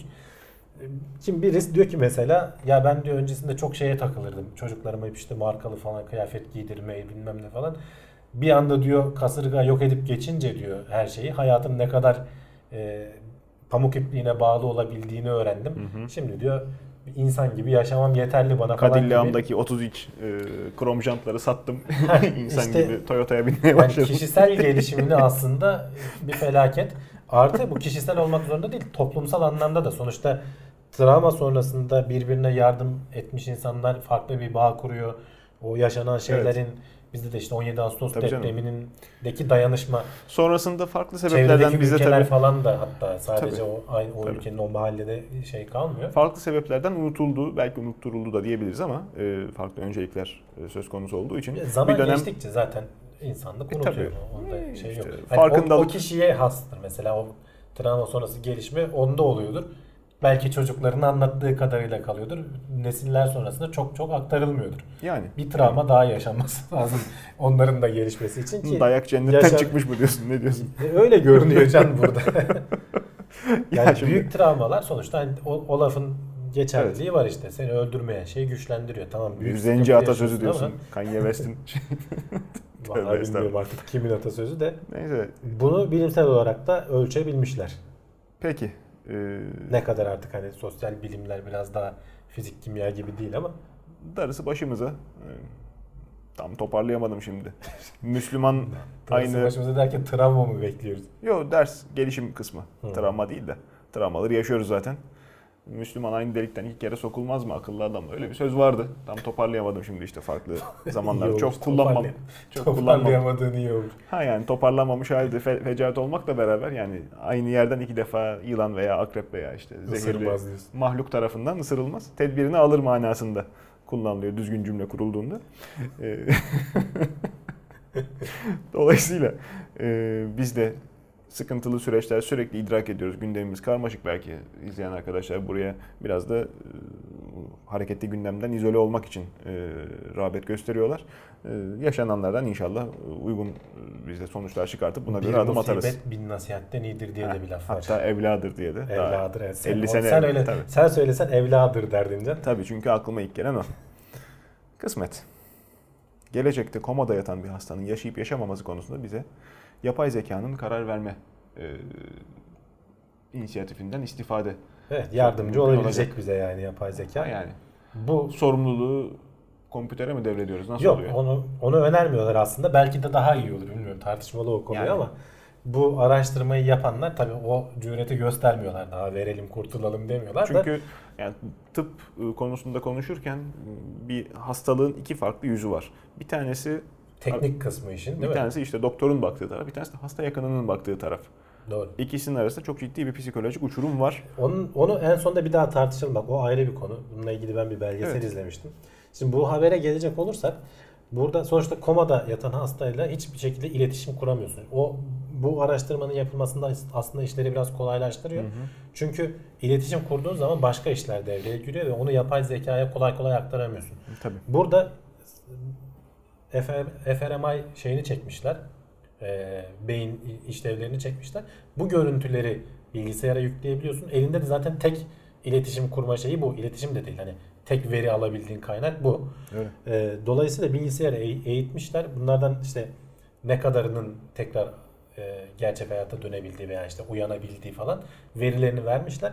Bilgisayar eğitildikten sonra normal bir doktordan %90 oranında falan doğruluk payıyla daha iyi bir şekilde tahmin edebiliyor diyorlar. Bir sonraki komadaki hastanın görüntülerini verdiğinde ya bunun işte uyanma ihtimali var mı yok mu? Ondan sonra diyorlar ki biz tabii ki kesinlikle hani doğrudan kararı yapay zeka versin demiyoruz. Bu doktora yardımcı olacak bir şey. Doktorun gözünden kaçma ihtimali olabilir. Çünkü çok daha iyi e, verileri karşılaştırabiliyorlar ve hızlı tabii İşte ki. şimdilik böyle. Yapay zeka yeterince e, güzel yapıldığında oturup sohbet edilebilecek, insandan daha kıymetli bir arkadaş olabilir mi? Acaba'ya döneceğiz. Yani yani işte o noktaya el- gelirse evet. Eldeki veri işte bir yerden sonra zaten o noktaya gelmesi kaçınılmaz. E, Yapay İnsanı bu zeka sefer psikologlar diyorsun. Hah, neden olmasın? İnsanı ekarte ederek çünkü daha tutarlı karar veriyor, daha iyi dinliyor, sıkılmıyor. Ya o şey doğru evet yani sürücüler konusunda da Belki söz- arkandan dedikodunu da yapmayacak. yani ne uğraşacağım bunlarla. Gidip fax makinesine mi anlatacak? Ne yapacak yani? Bu sürücüsüz otomobillerde de mesela şimdi çok çok daha düşük kaza oranları var. Çünkü çok daha iyi Bak, insan şeylerine Sürücüsüz göre. otomobillerin hepsinde benim kızdığım nokta o. Yapay zeka kurumuna ben karşı değilim. Sürücüsüz otomobillerin bugüne kadar denenenlerin hepsinde bütün e, sensörler, okuyucular jilet gibi, cillop gibi her şey tertemiz. Yeni ovalıyorlar, Tamam yola o salıyorlar. seninki ayrı konu. Sensör zeka ile ilgili konu Tamam. değil. Sensör ilgili Ben onu konu. söylüyorum. Sürücüsüz otomobilin Tamam. sıkıntısı o Onu geçme, onu demiyoruz biz. Ha. Sonuçta cillop gibiyken senin deyiminle o yani. sensörler insanlara göre az kaza yapıyor. E tabii ki. Yani heh, Tabii. buradaki şey o. Ee, benzer olay da bu. Yani sen Hı hı. veriyi çok daha hızlı bir şekilde insana göre hata oranın daha az bir şekilde biz konuşuyoruz ya aynı şekilde kanser tedavisinde de e, iyi- iyileşecek mi iyileşmeyecek mi falan onlarda da e, öneriler falan getirebiliyor veya hastalıklara teşhis konulmasında da çok hızlı bir şekilde çözebiliyorlar. Ama hep şu ana kadar söylenen şey doktorlara yardımcı. Çünkü bir işin içine insan girmesi gerekiyor. E, tabii. Senin o başta söylediğin şeye de geri dönelim. Hani bir belgesel izlemiştim diyordum ya. Hmm. Şimdi zor hastalıklarda böyle işte koma durumunda ailesinin yetkisi var. Ona soruyorlar işte fişini çekelim mi çekmeyelim mi veya kansersin e, diyelim şey yapıyorlar. E, tedavi uygulanma uygulanmamayı falan sana soruyor. Veya hangi tedaviyi uygulayacağız? Hani alalım mı yoksa işte kemoterapiyle mi ilerleyelim? Oradaki benim izlediğim belgeseldeki hastalar şey diyordu ya biz işe duygusal bakıyoruz. E, ister istemez yani senin sevdiğin Nasıl birini- dersin benim Canım annem, şey var. babam, çocuğum Orada ölsün? Ha işte orada profesyonel birine bırakmak daha doğru sonuçlar verebiliyor diyor. Tabii. Çünkü o adam onu görmüş. Seninle çok fazla duygusal şey Hmm. kurmuyor. Belki onlarcasını, binlercesini görmüş. E, ona göre bir karar veriyor. Tamam bu karar mesela senin hoşuna gitmeyebilir. Senin işine de gelmeyebilir. Ama sonuçta Burada göz ardı edilen şey şimdi yani takip ettiğim örnek olarak çok şükür ki pek fazla yok etrafımda ama hani hepimizin gözlemleyebileceği Schumacher e, var. Evet. Çok e, iyi bir spor adamı, kıymetli bir mekanik bilgiye sahip. Yani bir e, otomobil firmasına geldiğinde sonraki 10 yıl boyunca üretilen modellerde imzasını bırakan bir adamdı. Ferrari'leri de değiştirdi, Mercedes'leri de değiştirdi. Ciddi e, Fiat grubunda katkısı oldu e, dokunduğu arabalara. Ciddi kıymetli bir beyin, kıymetli bir insan. Aynı zamanda da sporcu. E, Formula 1 alanında uzun yıllar başarı gösterdikten sonra bir kayak kazasında adam bitkisel hayata girdi. E, ailesi varını yoğunu seferber ederek şu anda bitkisel hayatta tutuyor Schumacher'i. Bir e, teknoloji gelişse de yeni tedavi imkanı icadı olsa da bu adamı tekrar canlandırsak diyorlar. Şimdi buna diyebileceğin hiçbir şey yok. Yani yapay zeka da olsa, normal adam da olsa, şey- aile bunu diyebildikten sonra senin karşısında söyleyeceğin hiçbir zaten şey yok. şey de var. E, Geleceğe kehanette bulunamazsın. Onun bakımları falan çok zor olduğu için yani devlet Schumacher nispeten zengin bir adam. Hani ailesi E tabii falan hali ona vakti. E, Yerinde ge- insan için şeyi bu veriyordur. Onda imkan var. sorun yok ama bir de işte bakma durumu olmayan adamları. Fakire fukaraya zaten araba çarptı mı şey oldu mu? O kayakta Tamam. da kaza yapamıyor ya inşaattan Kayak, düşüyor. evet. Çoktan ölmüş oluyor onu istatistik olarak okuyoruz. Bilmem kaç işte. kişinin arasında. Ama bak istatistikler o, o bakımdan çok şey değil. Mesela işte bu kanser falan gibi vakalarda şimdi insan kendine konduramıyor Can. Bizde de mesela biz kaza hiç yapmayacakmışsın gibi düşünüyorsun. E, evet. E, veya hiç kanser olmayacakmışsın gibi düşünüyorsun ama sonuçta senin diğer insanlardan farklı yapan, özel yapan bir şey yok ki. İstatistik hepsinin ortalamasını aldığı için Tabii. genel olarak bir doğru sonuç veriyor. Evet senin durumunda çalışmayabilir ama bu yüz binde bir olabilir yani veya milyonda bir olabilir. Büyük ihtimalle sen de o ortalama, o normal dağılımının ortalarına bir yere düşeceksin. İşte istatistiğin dışına çıkan tek bakış az evvel söyledim ya. Çok haklısın ama diyor ki ben bu adamı şu anda Tamam, fişini çekmektense zaten. 15 sene daha hayatta tutayım maddi imkanım el verdikçe. Bu 15 sene zarfında belki yeni bir teknolojik gelişme olur. Evet. Ha, Yani Zaten de oluyor işte. bir taraftan da üniversiteyi fonlayacak yani. durumu varsa oralara da yatırım yaparak yani dolayısıyla Ya daha da kötüsü aslında şey Can. e, Bilmiyorum artık hani o başına gelmeden insan karar veremez de koma durumundasın ama kendindesin. Düşünsene yıllarca şey Van. gibi, hapis Metallica'dan hapis hayatı gibi o şeyin içinde kendi vücudunun içinde yaşıyorsun yani. Etrafında birileri bir şeyler konuşuyor ne görebiliyorsun. Bunun çünkü vakaları var. Hani atmasyon bu bilim kurgu bir şey değil. 10 yıl sonra uyanıyor, 5 15 yıl sonra uyanıyor. Ya diyor ben her şeyin farkındaydım Hmm. diyebiliyor. Onu da hani belki sözlü değil de göz kontra, kontayla falan anlatabiliyor. Ya o da artık bilmiyorum hani onu da yaşamak denir mi de. E işte Tabii zor konular işte değil mi? İnsan başına gelmeden hala böyle da çok ahkam kesemeyeceği o konular. kadar şeye gerek yok. Hala daha insanların hapse atıldığı bir dünyadayız. Yani sen çok da fantazi kurup da e, kendi vücuduna hapsolmaya girme. Adamı sen alıyorsun bilmem kaç sene, 10 sene mi, Evet. 15 sene mi, 20 sene mi toplumun geri kalanından soyutluyorsun sonra da Canım, damgalı olarak aralarına Onu salıyorsun. da keyfimizden yapmıyoruz ki. Canım hatadır olur. Bir yanlış Bilmiyorum yaptıysa Onu, onu sen yani bir hastalık tedavisi gibi bakabilirsin. Suçun tedavisi de. Ya Böyle zaten tamam öyle diyorlar olmamalı. da işte. Neyse işte bunlar çok su kaldıracak. Tartışması da bize en son sırada düşecek mevzular ama biz yine de bir şeyleri e, zikretmiş olalım. Belki TeknoSeyir Plus abonesi olursa izleyenler hazır indirim dönemindeyken gelip e, bizimle beraber e, yorum kısmında sohbete katılabilirler. Evet. Tavuk sever misin?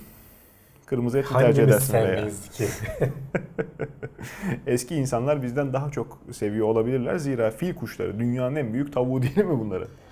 Ya, tavuk değiller tabii. Kuşlar yani. Kuş Başka bir ama cins. tavuk bunlar. gibi bir kuş. E, Deve kuşundan hallice fil kuşu. Bayağı deve kuşundan hallice 3 metreye kadar falan boyları ulaşabiliyor. 850 kiloya falan kadar da kiloları ulaşabiliyor. Bin yıl Yani. evvel yok olmuşlar. Ve evet yani Çok yakın zamanda yakın tükenmiş. zamanda evet yani hani neredeyse görecekmişiz yani hani şey dünyanın yaşına falan bakarsan. Hatta biz yok etmişiz belki de. Çünkü Yani. Madagaskar'da yaşıyor bu hayvanlar. Orada farklı farklı türleri var. Bu niye gündeme geldi? Son bir araştırma yapmışlar. Dünyanın en büyük kuşlarının bir sıralaması Evet, var. O sıralamada ufak bir değişiklik oldu. Yeni bir alt türe ayırdılar aslında. Şimdiye kadar elde ettiğimiz bütün kemikleri inceleyerek e, bu fil kuşlarının işte kaç türü var, kaç şeyi var, işte ailesi var, bilmem nesi var. Hepsini değerlendirmişler. Yıllar öncesinden tabii şimdi hatırlamıyorum tam nerede denk geldi de yine e, bir yerlerde onun şey olduğunu e, avlanarak tüketildiğini okumuştum. Öyle öyle görünüyor. Çünkü işte bin yıl Yani insan önce tarafından zaten, avlanarak tabii, zaten avlanarak ilk insanların o Madagaskar, Afrika'nın biraz Yuvarlak hemen. löp et uçamıyor herhalde nişan alması kolay diye. yani işte herhalde öyle veya işte zaten belki adada sonuçta çok niş bir e, Hmm. şeyi var. Yaşama koşullarını da yok etmiş olabilirsin. Bir benzeri zaten Doğru. Yeni Zelanda tarafında gene adada Hmm. moa diye bir kuş cinsi var. O da bayağı büyük ama bunlar kadar değil ama o da gene 2-2,5 metre. Biraz daha hafif bunlara göre zayıf bir kuş ama fil kuşu bayağı bildiğin 850 kilo kuş mu olur ya? İnsan işte yani. yani. minik kuş vardı ya. Big Bird Pek- olup da pek Türkçe minik değil. minik kuş diye geçen sarı arkadaş. Acaba Susam nasıl Sokağı'ndan. ses çıkarıyorlardı ben onu merak ediyorum. Bunu mu merak ediyorsun? Öyle yani şu resimde Nasıl Evet. yumurtluyorlardı bir onu da merak et bari. yumurtaları falan var örnekleri bayağı devasa yumurtaları var. Zaten ilk oradan şey yapıyorlar Üstüne kendi oturabildiğine göre herhalde betonarme bir kabuğu olsa gerek. herhalde. Yani vallahi ben e, borazan kuşunu e, dinleme şansına nail oldum. E, ismiyle müsemma hakikaten. Ötüyor düz. Ha yani bu buzela yanında solda sıfır kalıyor bir başladım ötmeye. O yüzden bunu da belki o sebepten yok etmiş olabilirler. Bu kadar büyük ve öyle ötüyorsa. Eti lezzetli olmasa bile. Yeter Olabilir. artık sussunlar uyutmuyor diye. Heh. Madagaskar huzura ermiş de olabilir. Sıradaki haberimiz uyuşturucu dünyası e, ile alakalı. E, tıbbın karanlık boyutu, keyif verici maddelerin e, incelikleri. E, teknoloji gelişirken bir taraftan da işte bunlar da aslında teknolojinin pek zikredilmeyen e, noktaları. Araştırmalar yapılıyor işte bağımlılık tedavisi veya kontrolü, e, trafik muayenelerinde haşhaşlı çörekten kan testinde uyuşturucu e, sonucu alındığı delikodusu bir zaman ortalığı kasıp kavurdu. Pastaneleri salladı. Şimdi haberimizde de farklı uyuşturucu türlerinin vücutta ne kadar süre kaldığına dair araştırma. Şimdi bilim gündeminin gereksiz bilgiler kısmına geldik aslında Can. Yani Ee, bu ha- haber değil. Böyle bir kullanmaya yazıya, da gereksiz. yazı, tabii, tabii ki o ayrı konu da böyle bir yazıya denk geldi. Bir şeyi söylüyor. Hani bu maddeleri kullandığın zaman vücudunun farklı yerlerinde ne kadar süre kalıyorlar. Hmm. Sonrasında çünkü hani ölçümler işte testler falan bunlar üzerinden yapılıyor. Ee, mesela kanın da en hızlı kandan temizleniyor. Çünkü sen zaten bunu kullandığın anda vücut bunu tamamen yok edip atmaya Zehir çalışıyor. olarak Mesela algılıyor. bunun içinde alkol falan da var zaten. Evet. Ee, en kısa sürede kandan temizlenen LSD Hmm. 3 saat falan gibi bir sürede zaten diğerlerinde de göreceksin hemen etkili şeyini kaybediyor. Yani ölçülebilir olmaktan çıkıyor. İşte morfin var sonra 8 saat, eroin 12 saat, hı. alkol 12 saat boyunca kanda duruyor. Ee, işte kokain falan 48 saatlere kadar uzuyor. En uzun şey esrar. Hmm. Ee, bu kanabis diye bu aralar çok şey marihuana falan filan Evet. geçiyor. O mesela 336 saat ve ötesi de belki şey e, kanda bulunabiliyor. Onun arta kalan molekülleri. Kolaylıkla tespit edilebiliyor yani. İlginç. Sadece kandan da değil idrar testi de yapıyorlar tabi. Orada biraz daha uzun sürüyor çoğu şey için. E, saatlerden artık az önce söylediklerimiz hep saatte günlere kaymaya başlıyorsun. LSD 3 güne kadar. işte amfetaminler 3 güne kadar. Ekstazi falan gibi olanlar 4 gün. Heroin 4 gün. Alkol 5 gün. E, idrardan Hmm. ölçülebiliyor. Tabi miktarı azalıyordur muhtemelen Tabii ama kullanıp kullanmadığın tabii. ölçülebiliyor. Ee, Esrar gene burada e, şey rekor diğerlerine göre 30 Hmm. güne kadar çıkmış. Ama asıl ve hani süreye göre baktığın zaman en şey e, doğru ölçümleri veren saç. E, çünkü saçlar sürekli büyümeye devam ettiği için Bu haberi bizim Ee, okumamız güzel oldu. bizde ihtimal az diyorsun ama sonuçta var yani işte ondan Yani. alıp bir tanesini laboratuvarda test ettiğin zaman çünkü sürekli oluşturuluyor. O Vücuda gelen senin bütün- kanda bulunan maddeler oraya da geçiyor. Depolanıyor. Bütün yabancı maddeleri zaten saçta çok uzun süre gözlemleyebiliyorsun. Bak burada şey az yalnız. LSD e, idrarda da 3 gündü. Saçta da 3 güne kadar. Ondan sonra bir şekilde bozuluyor herhalde malzemesi. Asit olduğu için Ama diğer belki. bak alkoller işte esrada, eroindi, kokaindi falan hepsi 90 güne kadar Hmm. saçtan tespit edilebiliyor. ağır metaller de saçta birikir ya Tabii. en nihayetinde. Ya işte vücut onu sentezlerken o proteini kandaki falan vesaire falan bir şeyler oralara bulaşıyor. Evet. Zaten zaten bir kere sentezlenip de çıktığı zaman zaten sabitleniyor alet. Tabii Yani doğru. dökülene kadar Doğru. o şekilde kalıyor. Onları ölçebiliyormuşsun. Hı hı. İlginç. Böyle evet ilginç. O yüzden aldım zaten. Yani vücutta bulunuyor olmaları tabii tesirlerinin devam ediyor olması anlamına gelmiyor. Vücutta izlerinin gözlemleniyor tabii tabii. olması. tabii. Bu te- bir taraftan Yani da zaten belli bir şeyin altına indiği zaman tesiri falan kalmamış oluyor ama tesirinin kalmadığının da göstergesi değil. Şimdi e, bir kere kullanmakla e, 336 saat kanda varlığını sürdüren e, esrarın şu anda üzerinde belki çalışma olmadığı için görmüyoruz ama enzimlere etkisi, genetik Hı, e, bozulmaya tabii ki, tabii ki. e, ne kadar Belki etkisi kansere oluyor. falan şeysi, etkisi, E, katkısı. Tabii. E, onlar araştırma Sonuçta dışında olduğu için şu anda görmezden dışında bir geliniyor. malzeme vermiş oluyorsun yani. Yani çok da masum e, gibi bakmamak lazım. Buradan hareketle de işte LSD kullanmaya başlayıp aman hiçbir şey yapmıyormuş diye millet sonra damdan aşağı atlamasın. U- uçup diyorsun. Ha kendini ya. kaybedip. Yol vardı orada yok muymuş diye. Gökkuşağına uzanayım da biraz örümcek yiyeyim diye. Neyse efendim. Sıradaki haberimiz. e, belki küçükken aklımıza gelmiştir. E, gözlemlemesi çok kolay ama sebebini bilmek biraz araştırma istiyor. Gazete kağıtlarının, beyaz kağıtların kolay sararması. Niye Evet, sararıyorlarmış? sadece gazete değil her türlü kağıt Hı. aslında sararır uzun Sararır. vadede. Kalitelisi beyazdır, makbulü beyazdır. Ucuzları daha sarı servis edilir Evet, zaten. onu da, ona da geleceğim. Zaten bu yazının ilginçliği de orada. Başlığı evet yani neden sararır? En hızlı da gazete kağıtları sararıyor. Hani böyle bir birkaç yıl içerisinde hakikaten renginin değişmiş olduğunu görürsün. Kirlenme yarışında Ha, basına çünkü- şey yapmışlar. En önce gazeteler bir En önce kirlenmiş. kirlenmiş evet. Çünkü en ucuz kağıtlar onlar. Ee, bu beyazlatma süreci kağıdı üretirken işte biliyorsun ağaçlardan yapılıyor. O sellozun şeyi var. Evet, kağıt Ee, hamuru. Hamuru hamur haline getiriyorsun. O işte lifli yapı. Hı hı. Kurutup ezip kuruttuğun zaman ince haline getirdiğin zaman kağıt oluyor zaten. Evet. Onu beyazlatmak için bazı süreçlerden geçirmen gerekiyor. O da maliyete katkı E tabii. sunuyor. İşte gazete kağıtlarında o süreçler daha da azalmış oluyor. Çünkü bir gün kullanıp atıyorsun hemen. Ee, o beyazlatma, o kahverengi rengi veren ağacın içindeki o lignin denilen bir madde. Ee, bu madde aynı zamanda sağlamlık da veriyor ama sen sağlam olmasını istemiyorsun. Beyaz güzel görünsün istiyorsun. O maddeyi mümkün olduğunca çıkarıyorsun kağıttan. İşte o biraz maliyete de katkı sağlıyor. Ama sağlamlık istiyorsan mesela kese kağıdında veya Kafamı karıştırdı ama kartonlarda şimdi kuşa kağıt bir hayli şeydir. Abi o dışında kaplaması falan var. Ha, Yani peki. o başka. Ben normal düz tamam. kağıttan bahsediyorum. Gözlem olarak ben şey Tabii tabii. Hayır canım ya plastik falan kaplarsan zaten hiç sararmaz da yani. Evet. O lignin maddesi mesela sağlam olmasını istediğin kese kağıdı, karton falan gibi niye hep kahverengidir? Lignini bol yani içinde Mukavva bırakmışlar. diyorsun. Çekmemişler zaten o malzemeyi. Almaya Harika. uğraşmamışlar. O yüzden sağlam oluyorlar. İşte bu lignin maddesi havadaki oksijenle birleştiği zaman e, renk değiştiriyor. Asıl sararma bundan kaynaklanıyor ve bunun kurtuluşu yok. Özellikle işte müzeciler falan o küratörlerin bütün derdi e, o atmosferi yönetmek. Işıkla birlikte geldiği zaman zaten doğrudan etkisi artıyor. Tabii. Işık doğrudan sarartmıyor da o oksidasyonun etkisini hızlandırıyor. Ya işte saklama önerisi de ya işte havası çekilmiş bir ortamda veya işte azot gibi böyle soy gaz olan bir ortama koyarsan daha uzun süre saklayabiliyorsun ama tabii açıp okuyacağım diyemezsin. Eh, belki şey gibi. Küvez gibi dışarıdan eldivenle. O eldiven falan zaten hani kullan önemli tarihi eserlerde falan. Küvez gibi. Ha şey Şeye, içinde. e, kapalı olabilir. olabilir. alanda izoleyken belki. İşte o da her türlü belge için yapamıyorsun. Pahalı oluyor. Hani Tabii canım. Kaç belgeyi öyle yapacaksın? El yazması Kur'an işte en basitinden veya işte eski tarihi metin birkaç bin yaşında olabiliyor. E, nasıl dokunacaksın zaten yanına yaklaşırken daha salıyor kendini. Ya evet işte onların bir de Arkeolojik titizlik tamir lazım. edenler var Tabii. yani. O da hakikaten apayrı bir titizlik, uzmanlık konusu. Öyle. O karınca sayanlar gibi onlara da saygı duyuyoruz. Tabii öyle. Yani öyle. lime lime olmuş düşünsene. Tabii. Hani eski işte Hı hı. e, hani kutsal emanetlerde falan var ya işte gömlek, kazak bilmem ne falan.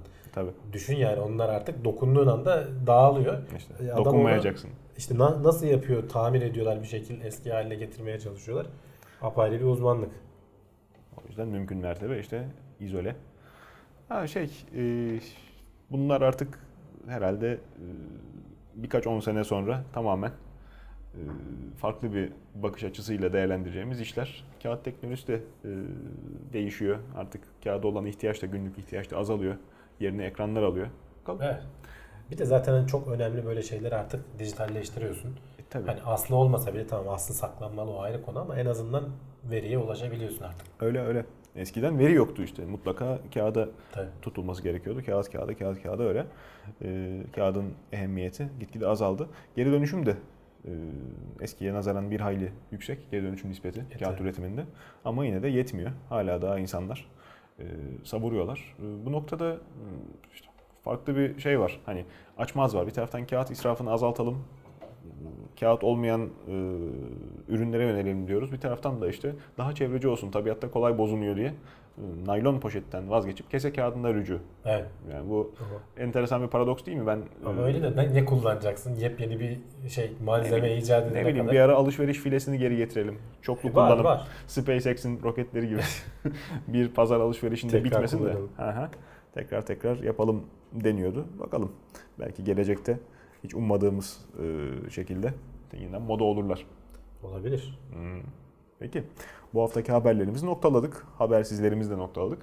Ee, önümüzdeki salı günü bir mani olmazsa tekrar karşınıza Evet. gelmeye çalışacağız. Gerçi Plus abonesi olmayanlar bunu çarşamba izliyor değil mi? Evet bir gün sonra izliyorlar. Evet onu da haberdar etmiş olalım. Eğer hazır indirim dönemindeyken Plus abonesi olursanız Tekno Seyir'imize e, siz de bir gün önceden izleme şansına kavuşacaksınız.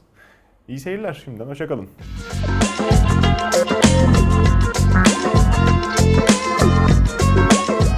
Tailwords teknoloji ve bilim notlarını sundu.